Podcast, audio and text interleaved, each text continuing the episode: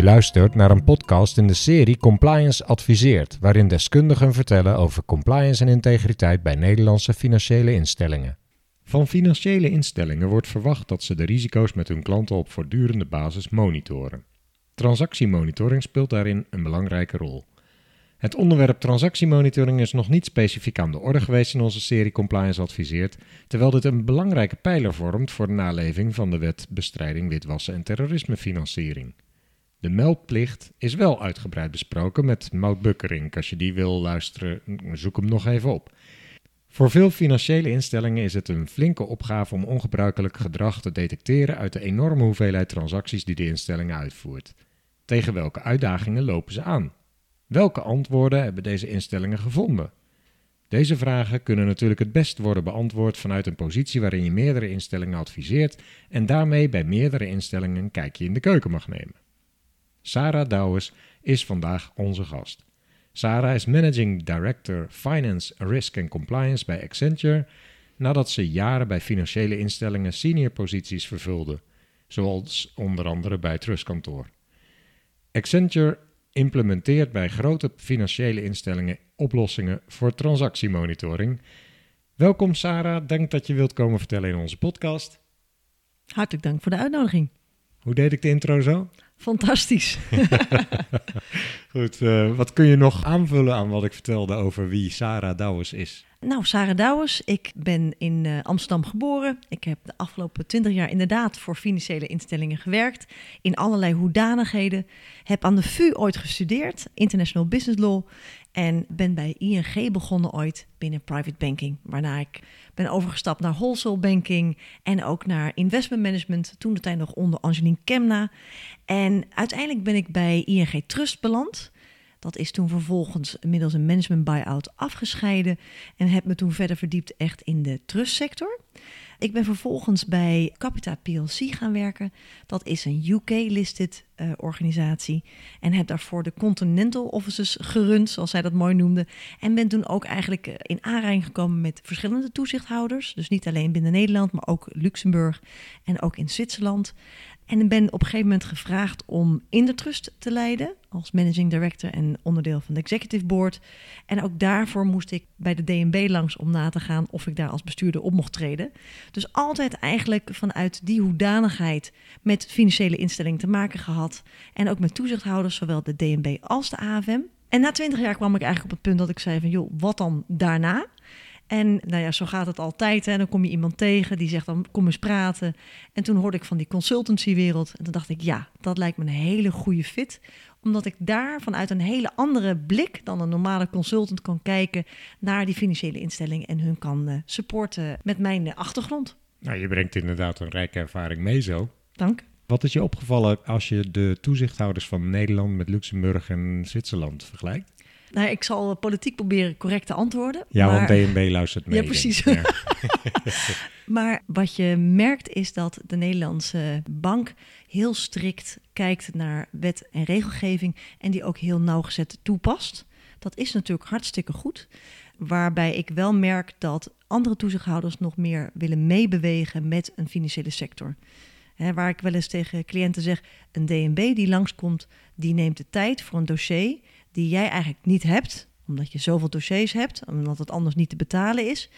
Dus zij zullen altijd wat vinden in de dossiers die ze bekijken. Ja. En in die tijd bij die trustkantoren, werd je daar ook door DNB gewezen op transactiemonitoringverplichtingen? Jazeker, daar kwamen ze ook langs. Dat deden ze ook eh, vrij regelmatig, zeker bij de grotere trustkantoren. En daar diende je ook toen al een uh, volledig transactieprofiel te maken per cliënt waarbij je dus ook aangaf de verwachte geldstromen. En die moest je vervolgens ook inderdaad controleren. Dat was ook nog in de tijd dat we niet spraken over algoritmes of machine learning. Mhm. Dat was echt met het handje. En dat gebeurt op een aantal plekken nog steeds met het handje. Mhm. Dus dat is echt een Excel-overzicht waarin je aangeeft: hey, deze betalingen geeft deze cliënt aan te gaan ontvangen binnen deze bandbreedtes, in deze tijdsperiodes. En dan ging je met je afschriften daarnaast ging je controleren of dat ook klopte. Nou, ik kan me wel goed voorstellen dat als je dat nog handmatig in Excel doet, dat je heel goed de basisprincipes in ieder geval begrijpt. Van hé, hey, ik moet wat ik verwacht vergelijken met wat ik zie.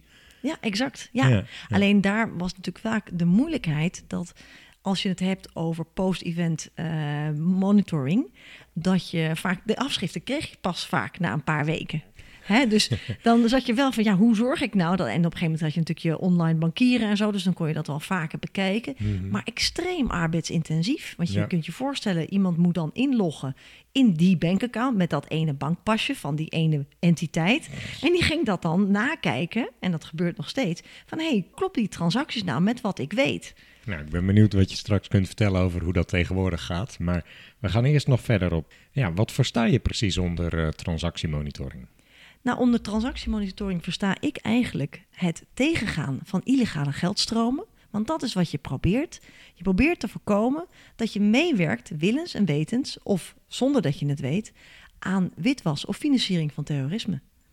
En die transactiemonitoring voor banken is ontzettend complex. En daarom dat ik het ook heel leuk vind om hier te komen en hierover te praten. Omdat vaak wordt er in de, met name in de publieke opinie gepraat. Ja, die banken die doen dat niet goed. En ik snap dat ze die boetes krijgen. Maar dan denk ik, ja, maar begrijp je hoe complex het is om goed een transactie te kunnen monitoren als je dat in miljoenenvoud moet doen? Want eigenlijk vraag je aan banken, je moet voor elke cliënt een transactieprofiel maken. Denk aan dat Excelletje hè, met van, hé, hey, wat verwacht ik dat deze meneer of mevrouw gaat doen, of dit bedrijf dan moet je dat bij gaan houden met wat actually is happening, om het zo maar te zeggen. Mhm. En dat zou je dan moeten doen voor al die miljoenen klanten op dagbasis. On top of that hoeft een verandering in transactiegedrag helemaal niet per se ongebruikelijk te zijn. Want het kan zijn dat een partij gewoon zijn dienstverlening wijzigt. Of, uh, exact, exact. Daar moet je dan ook weer onderzoek naar doen. Ja, en bijvoorbeeld, ik neem altijd een simpel voorbeeld. Stel je hebt een werknemer, die werknemer die krijgt elke maand krijgt hij 2000 euro op zijn bankrekening. En op een dag krijgt hij opeens 10.000 euro op zijn bankrekening.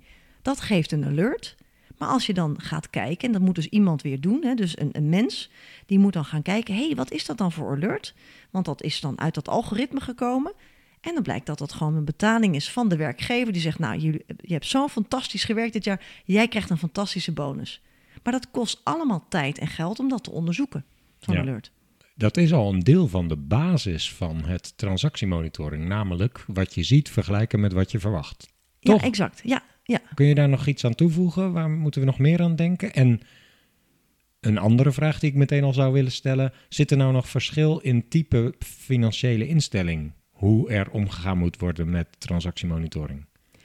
Ja, kijk, als we financiële instellingen zien als hè, verzekeraars, pensioenfondsen en banken, en dat is een beetje die definitie, dan zie je wel dat banken het een stuk zwaarder hebben in het algemeen dan de verzekeraars en de pensioenfondsen, omdat die vrij gemakkelijk kunnen bepalen waar ze het geld vandaan krijgen. Stel, ik wil betalen aan mijn pensioenfonds, dan weet mijn pensioenfonds heen. Sarah Douwers die betaalt elke maand een klein bedrag aan mij, zodat zij uiteindelijk haar pensioen krijgt.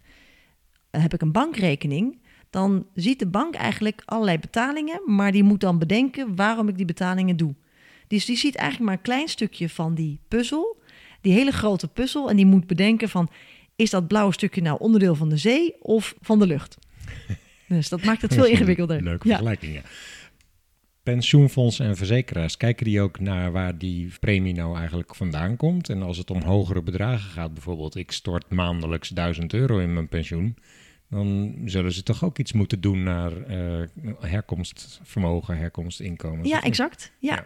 Dus ook daar zie je dat zij worstelen met de toenemende wet en regelgeving hierop. En zeggen, hoe zorg ik nou dat ik daar goed vat op krijg? En hoe zorg ik bijvoorbeeld ook dat op het moment dat er bijvoorbeeld betalingen binnenkomen ten behoeve van een ander, dat ik daar die alerts op aanbreng? Ik denk wel dat de druk van de Nederlandse bank bijvoorbeeld hoger is bij de banken om inderdaad volledig te voldoen aan de WWFT en dat daar dus ook meer in wordt geïnvesteerd dan dat je dus nu ziet bij de pensioenfondsen en de verzekeraars. Daar is denk ik ook, hè, vanuit mij persoonlijk gezien, het risico op witwassen en financiering van terrorisme kleiner. Ja, ja. Laten we ons vooral focussen op die banken dan in dit geval. Nou heb je vooraf gezegd, ik ben geen jurist, dus we gaan niet uitgebreid een juridische analyse vragen van je. Maar toch, wat is eigenlijk de juridische basis voor transactiemonitoring? Kun je daar wel kort iets over zeggen? Ja, nou, ik ben ooit als jurist uh, begonnen bij, bij Stibbe tijdens mijn studie. Okay. Toen wist ik al heel snel dat ik geen jurist wilde worden, want ik ben inderdaad meer de, degene die de generalistische oplossingen uh, interessant vindt om, uh, om neer te zetten. Mhm. Maar inderdaad, er is een sterke juridische basis. Hè, dat zie je ook in die anti-money laundering directives vanuit de Europese Unie. We zitten nu geloof ik op de vijfde directive. Op dit moment wel. Op dit moment wel. De volgende dus, is alweer in aankomst. Exact. En dat is ook zeker hard nodig. Maar die worden dus vertaald in de Nederlandse wet en regelgeving middels de wet financieel toezicht en wet ter voorkoming van witwassen en financiering van terrorisme. Mm Ik moet altijd ontzettend lachen, want wij hebben heel veel Engelse collega's, dus dan probeer ik ze altijd uit te leggen wat dan de WWFT is. Maar uh, de vertalingen die, uh, die schieten alle kanten op dat mhm. soort momenten. Mhm. En natuurlijk, verder heb je natuurlijk de sanctiewet waar je je ook aan moet houden, wat belangrijk is in dit, uh, dit onderdeel. Bijvoorbeeld bij transactiemonitoring kijk je neem ik aan ook bijvoorbeeld naar fraude of naar mogelijkheid betrokkenheid bij corruptie en dergelijke. Dat nemen banken denk ik wel mee in hun benadering van transactiemonitoring. Hè? Zeker. Kijk, wat je ziet is dat zeker de grotere banken vrij ver zijn in het bouwen van hun modellen dus dan moeten we voor degene die wat minder bekend zijn met transactiemonitoring, je hebt allerlei triggers die zorgen dat een transactie mogelijk ongebruikelijk is. Denk bijvoorbeeld dat ik ben een particulier en ik doe gewoon normaal gesproken mijn boodschappen, maar opeens doe ik elke keer contante stortingen. En die contante stortingen nemen steeds toe in, uh, in totale. En op een gegeven moment ga ik bijvoorbeeld betalingen doen aan een, een hoog risicoland. Nou ja, goed, dan, dat zijn alerts die ingebouwd zijn in die modellen, waardoor op dat moment wordt gezegd, hey, dat is een hoog risicoland, of dat is een betaling aan een politically exposed person, of inderdaad, er zijn zoveel cashbetalingen dat dat niet klopt met het profiel van Sarah in dit geval. Ja. Kun je nog wat verder vertellen waarom transactiemonitoring zo complex is? Want als we gewoon uitgaan van een profiel en wat we zien, dan zou je toch snel een mismatch moeten zien. Ja, dan is het misschien wel handmatig werk, maar goed, daar hebben ze inmiddels 8000 mensen voor zitten. ja. Waar worstelen die financiële instellingen die bij Accenture aankloppen dan verder nog precies mee? Nou, ik denk dat het bouwen van die modellen, daar heb je constant nieuwe regels die je daar wil in implementeren. Denk bijvoorbeeld nu aan COVID-fraude, dus mensen die misbruik maken van, van subsidies of dat op een andere manier gebruiken. Um, dus die modellen zijn constant in ontwikkeling en die worden steeds complexer. En waar je vroeger zei van nou, ik heb hoogrisicolanden, dus als ergens een betaling naar een hoogrisicoland eh, gaat en er wordt bijvoorbeeld real estate gekocht, nou dan is dat een alert. Maar die alerts worden steeds meer, omdat je steeds meer regels gaat toevoegen. En als je een regel een klein beetje verandert, kan dat al heel veel impact hebben. Stel dat je bijvoorbeeld cashbetalingen naar beneden brengt van 10.000 euro naar 5.000 euro, dan zul je een explosie zien. En die explosie, daar dient een bank inderdaad met zijn medewerkers mee aan de slag te gaan. Dat kun je dan weer niet door andere algoritmes laten oplossen. Je hebt natuurlijk inmiddels wel bepaalde AI, artificial intelligence, die verder zoekt en meer true positives, zoals dat mooi noemen, uh, genereert. Maar wat je dus nu ziet en wat je dus ook laatst in het Financieel Dagblad las je daar een artikel over, over iemand die daar een onderzoek aan het uh, doen is, die zegt ook van ja, 90 tot 95 procent van alle alerts die gegenereerd worden, zijn false positives. Zijn dus uiteindelijk geen true positives. Dat betekent dat er maar een heel klein percentage wat er uitkomt uit die algoritmes echt ertoe doet. En dat is ontzettend zonde van alle tijd en energie van al die mensen die al die alerts aan het bekijken zijn. Ja. Dus daar zit eigenlijk de heilige graal. Hoe vind je de exact. true positives? Wat natuurlijk ontzettend interessant is, dat je vroeger zag dat echt het compliance gebied voor de juristen was en de fiscalisten, waar je nu steeds meer met de data scientists en de data architects bezig bent om die algoritmes te fine-tunen en zo goed in te stellen dat je aantal false positives aan het afnemen is. Zou je een paar voorbeelden kunnen aandragen waaruit blijkt uh, op wat voor manier met rules gewerkt wordt en hoe daar dan in de praktijk mee omgegaan wordt door banken? Ja, nou wat je bijvoorbeeld ziet, wat ik dus super interessant vind, is, dan stap ik even over naar sanction screening. Je hebt name screening en name screening, dat betekent zozeer voor degenen die daar nog niet mee bekend zijn, is dat je dus eigenlijk kijkt wie is uh, bijvoorbeeld... Uh, Sarah Douwers, laten we maar mijn voorbeeld nemen. Um, en jij zet mij in de World Check of in de RDC's of uh, de LexisNexis tooling. Dan komen er allemaal hits uit.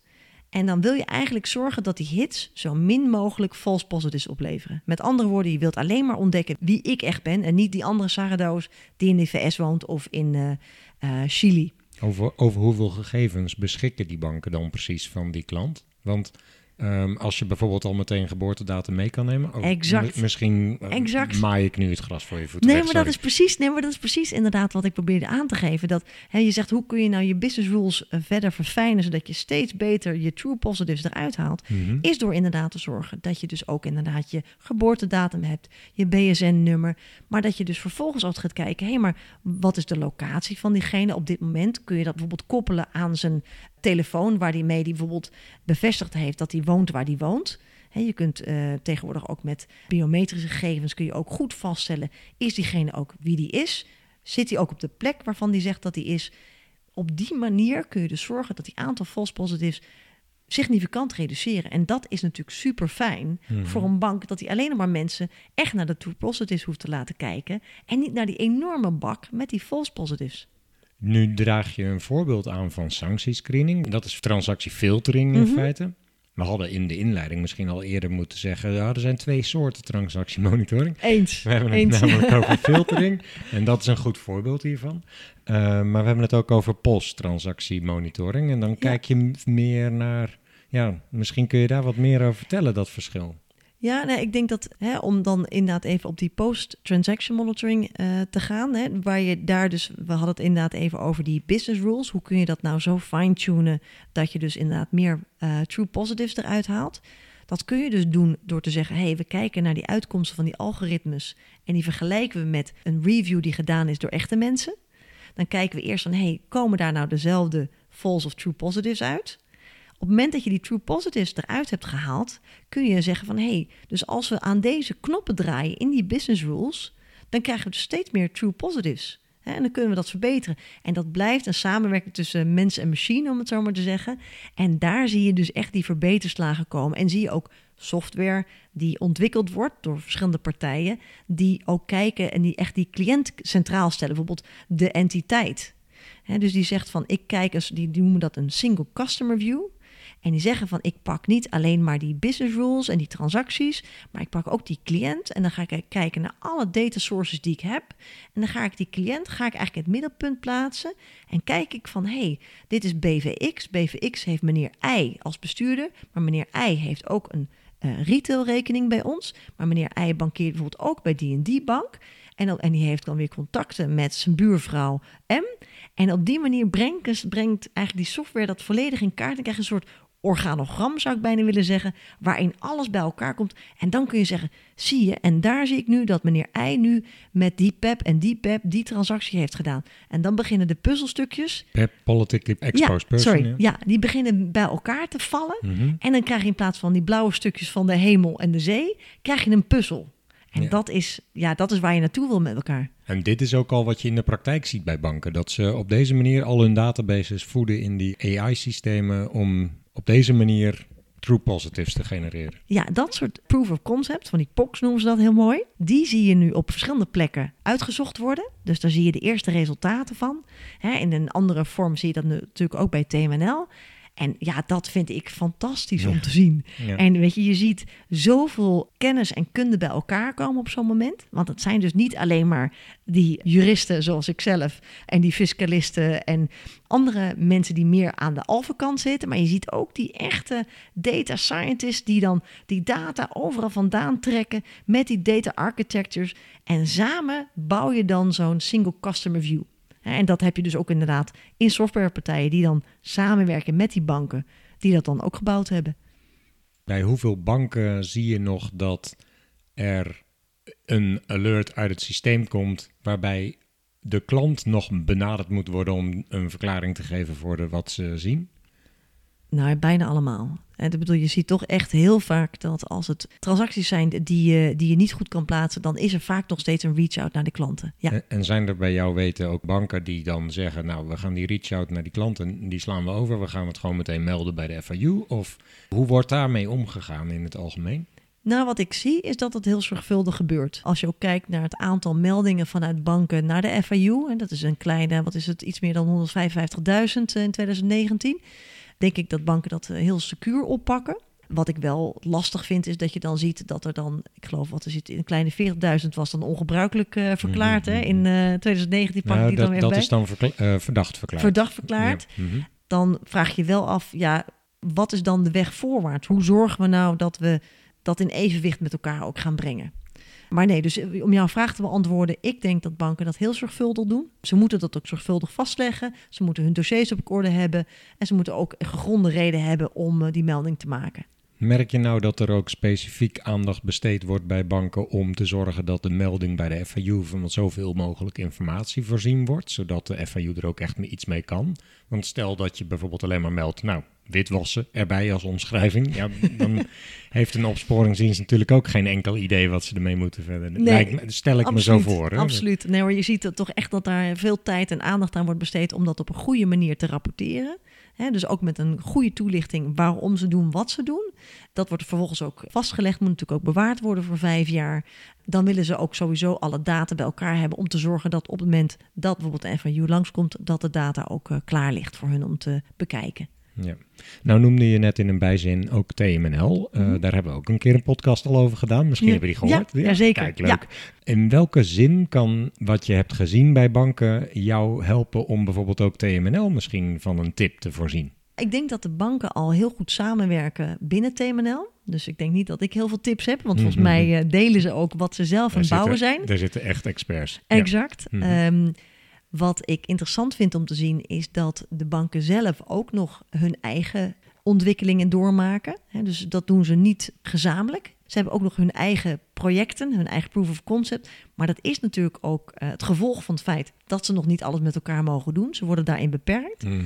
Dus ik zou het heel interessant vinden om op een gegeven moment al die kennis die ze allemaal verzamelen met elkaar en ontwikkelen, om dat ook echt bij elkaar te brengen. Want ik zie nog steeds dat de ene bank is daar heel goed in en de ander doet dat echt fantastisch. Mhm. En de volgende pakt dat stuk heel erg goed op. Nou ja, ik denk dat als je dat bij elkaar mag brengen als banken, dan denk ik dat Nederland geen goed doorvoerland meer is voor eh, witwassen en financiering van terrorisme. Ik vrees dat de structuur van deze podcast een beetje.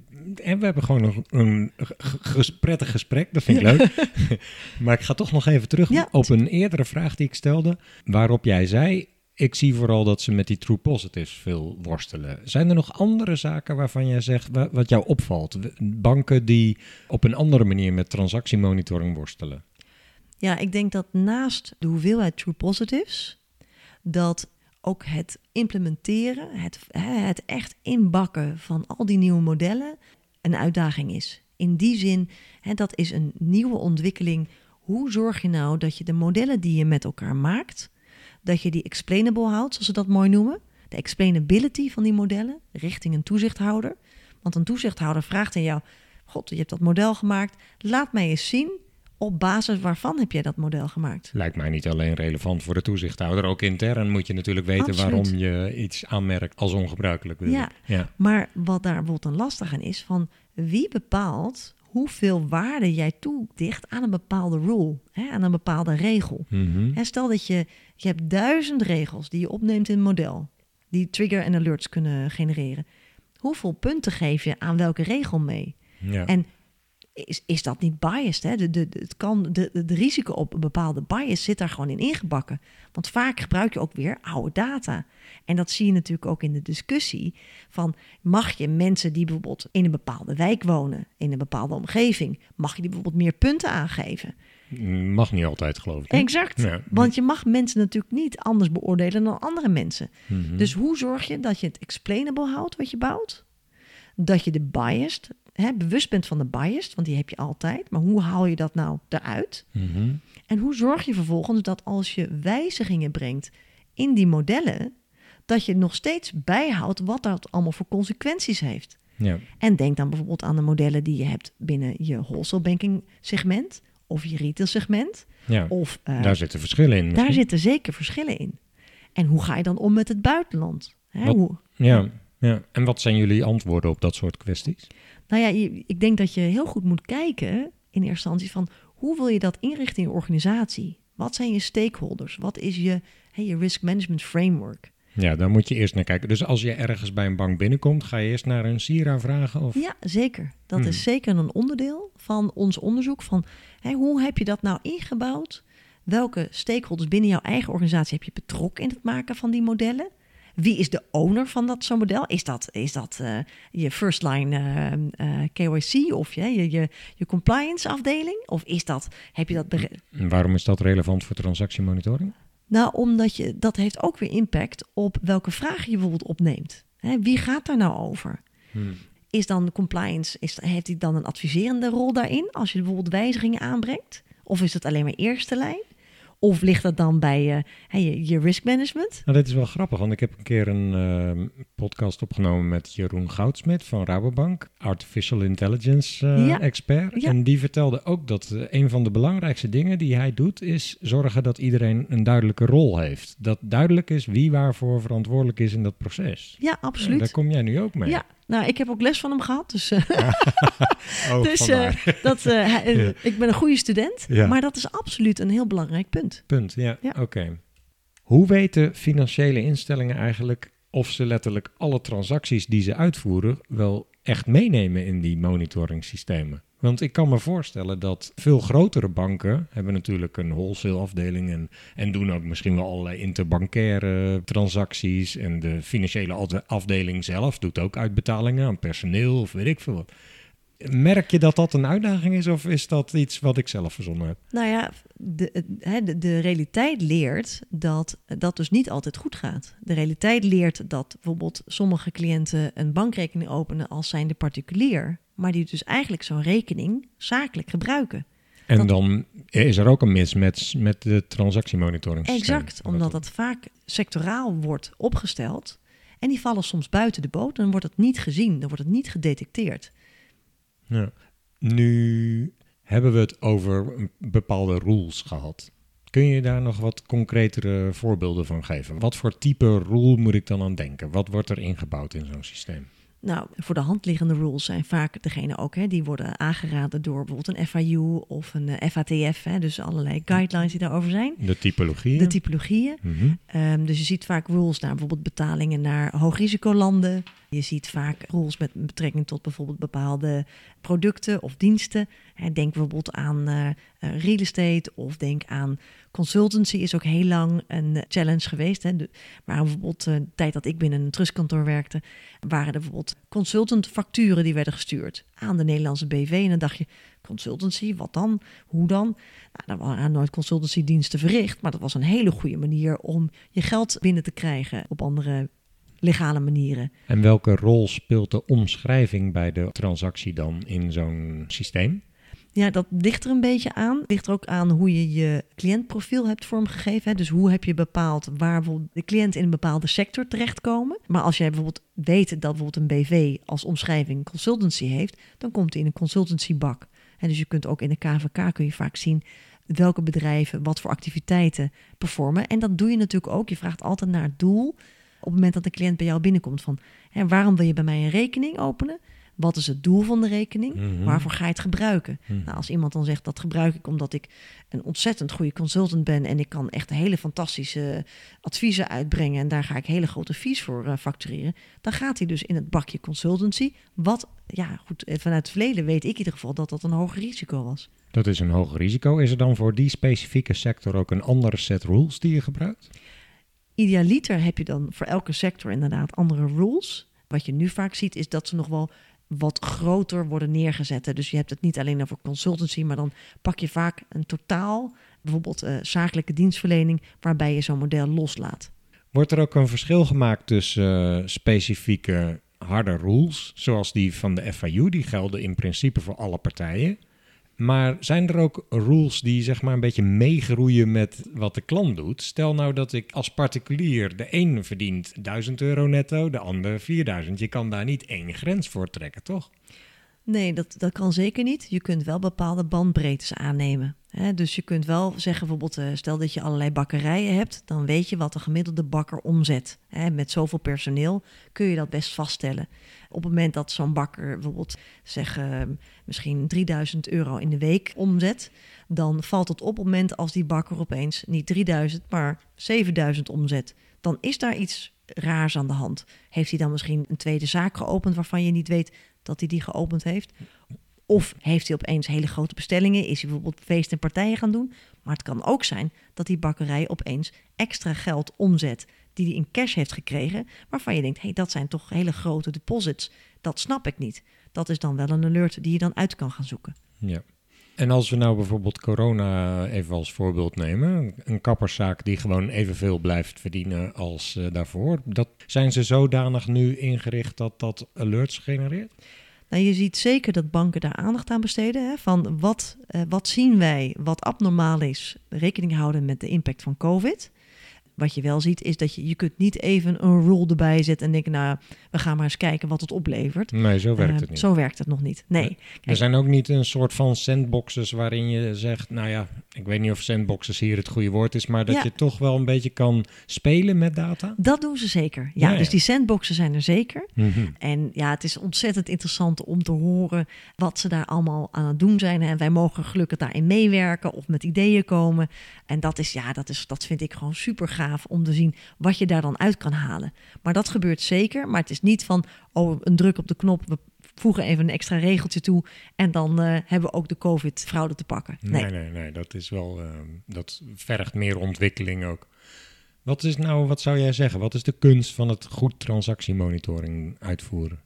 Ik denk dat je mm, eh, heel goed de combinatie moet zoeken met verschillende elementen. Dat bedoel ik zowel in de mensen die je met transactiemonitoring betrekt, als de software. Hè, dus de, de AI-ontwikkeling. Dus ik denk dat zonder machine learning kun je als bank niet in de toekomst goed transactie monitoren, want het is onbetaalbaar om allemaal mensen aan het werk te houden om dat allemaal handmatig, denk aan je Excelletje, na te gaan kijken. Mhm.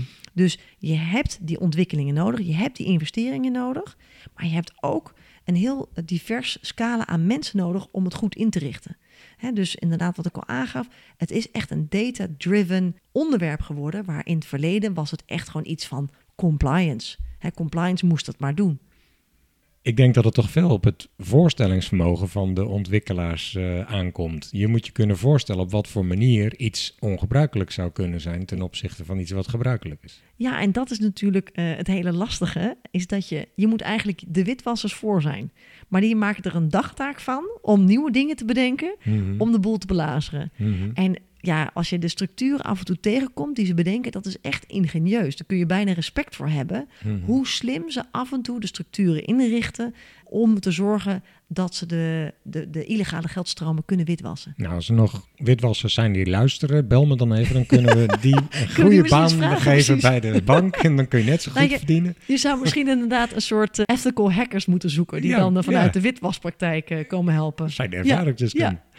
Je zei iets over data. Denk je dat banken over voldoende data beschikken om goed naar die true positives te zoeken? Ik denk dat zij op een enorme bak met data zitten.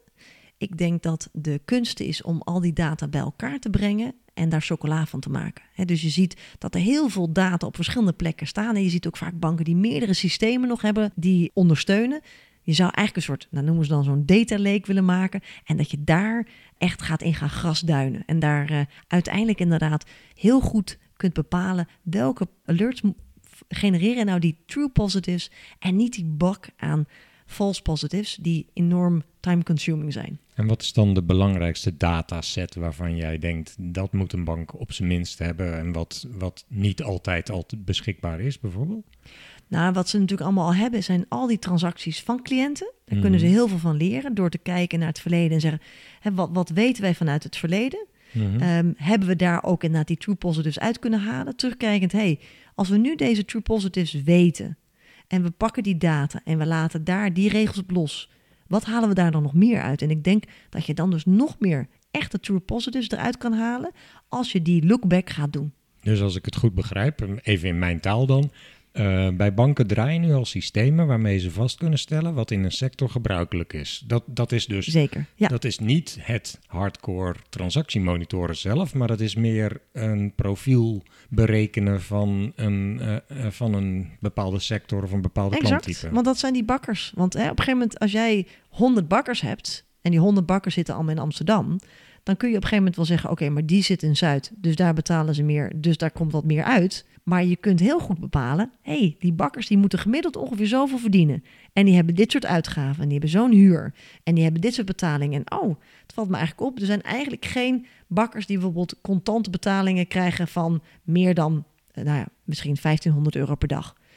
Dat soort informatie is allemaal beschikbaar. Dat moet je dus laten berekenen om vast te kunnen stellen, bij boven die grens is het ineens uh, Zo zou je hem heel slim kunnen gaan inrichten, ja. ja.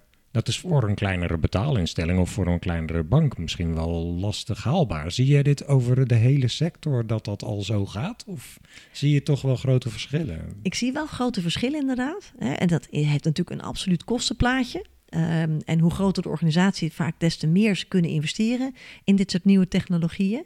En er zijn ook banken die, omdat ze ook een kleine portefeuille hebben, ook op een andere manier naar kunnen kijken. Die kunnen nog veel meer echt op cliëntniveau of op teamniveau kunnen ze kijken van hé, hey, wat gebeurt er met onze klanten? Wat voor transacties zien we daar? Wat is het profiel? Klopt dat met wat we van tevoren hadden bedacht dat ze gingen doen? Hmm. Die hebben misschien helemaal niet die nieuwste AI nodig om goed hun werk te kunnen doen. Zijn er nog bepaalde klantgroepen van banken die nog echt een uitdaging vormen voor uh, de banken?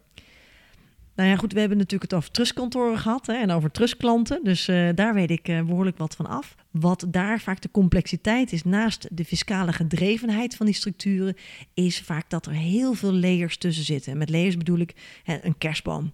Dat is in mijn optiek meer een CDD-probleem. Waar ik eigenlijk meer achteraan zat was, zijn er bepaalde klantgroepen waarbij transactiemonitoring ingewikkeld is? Ik kan me bijvoorbeeld voorstellen bij een crowdfundingpartij of bij een betaalinstelling hoe weet je nou waar die betalingen allemaal voor bedoeld zijn? Zijn daar oplossingen voor in jouw ogen? Nou ja, dat is dus die single customer view waar we het over hadden. Hè? Dus probeer dan te kijken, eh, als je één entiteit hebt en je weet wie de bestuurders zijn, ga dan kijken hoe die eigenlijk in de, in de hoe zeg je dat, de economie een rol heeft, een, een plek heeft.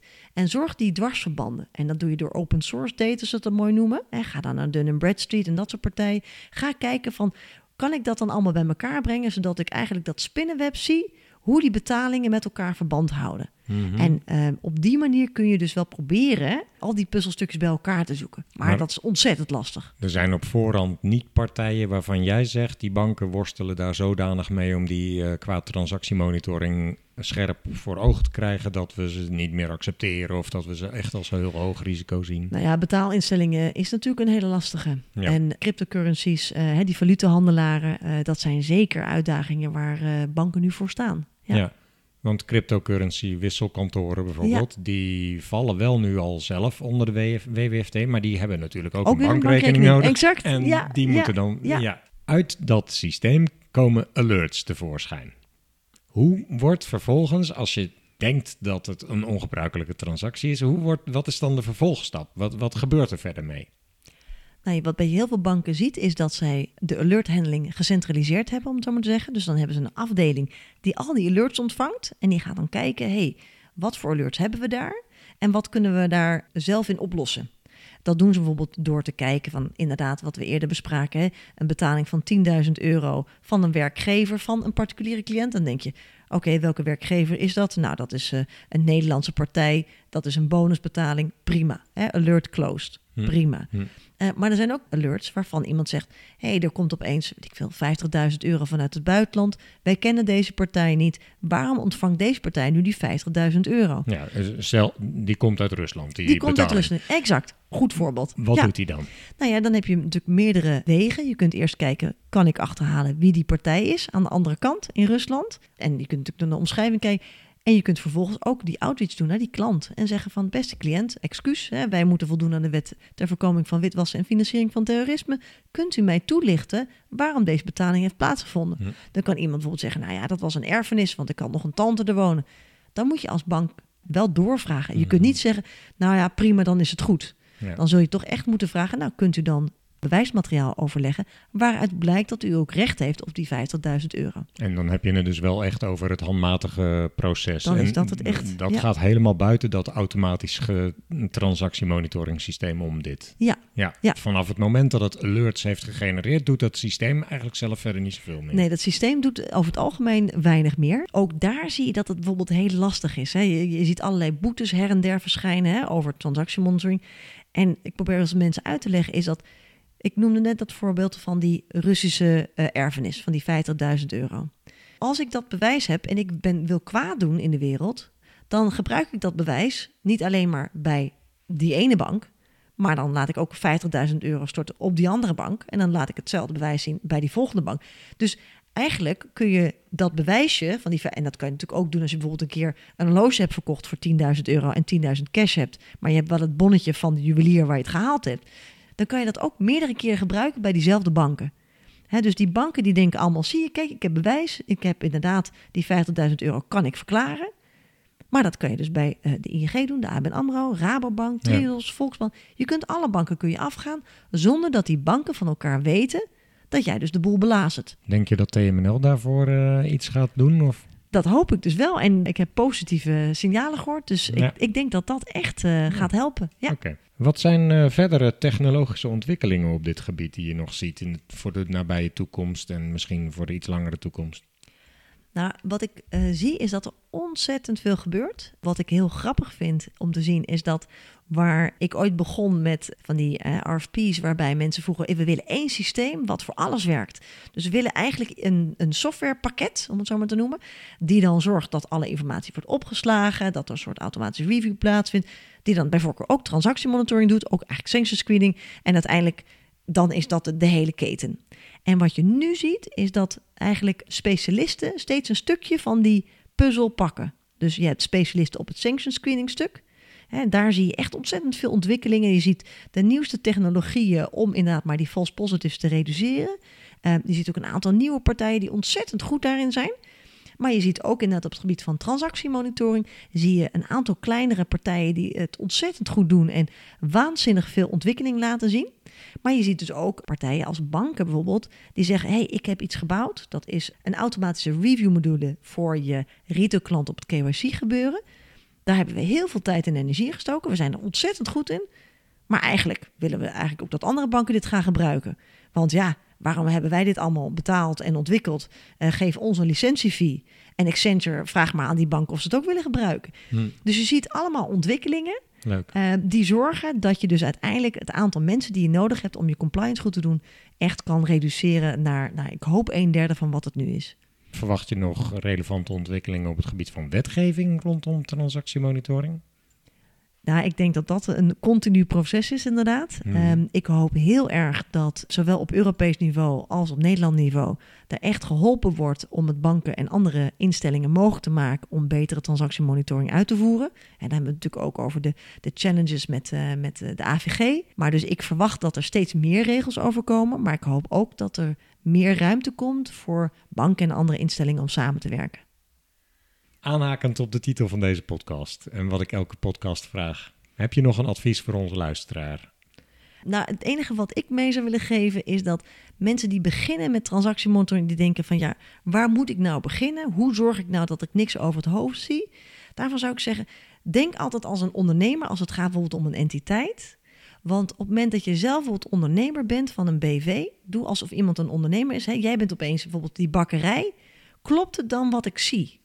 En op het moment als je op die manier naar cliënten kijkt, stel ik ben, een, ik ben een ondernemer en ik geef opeens een lening met 0% rente aan iemand die ik niet ken. Klopt dat dan? Nou nee, dat zou ik nooit doen. Dus op het moment dat je als ondernemer probeert te bepalen waar de risico's zitten, dan denk ik dat je heel veel transactiemonitoring, pogingen tot witwassen en financiering van terrorisme tegen kunt gaan. Het vergt wel wat kennis van de markt hier en daar, maar true, ja. True, ja als je daar goed aan werkt, dan kun je dat soort redenaties natuurlijk ook maken. Ja, ja. goeie, leuk. Heel vriendelijk bedankt, Sarah. Heel veel succes met Accenture. En uh, bedankt dat je ons uh, wilde meenemen in het verhaal over de transactiemonitoring bij banken. Dankjewel, merci. Dank dat je luisterde naar Compliance Adviseert. Heb je met plezier geluisterd? Volg dan op LinkedIn de pagina van Compliance Adviseert. Heb je een vraag of aanvulling? Laat dan ook even een reactie achter op de LinkedIn-pagina ik zal het met plezier lezen en wellicht kunnen we op die manier nog meer compliance kennis delen. Heel graag tot de volgende podcast.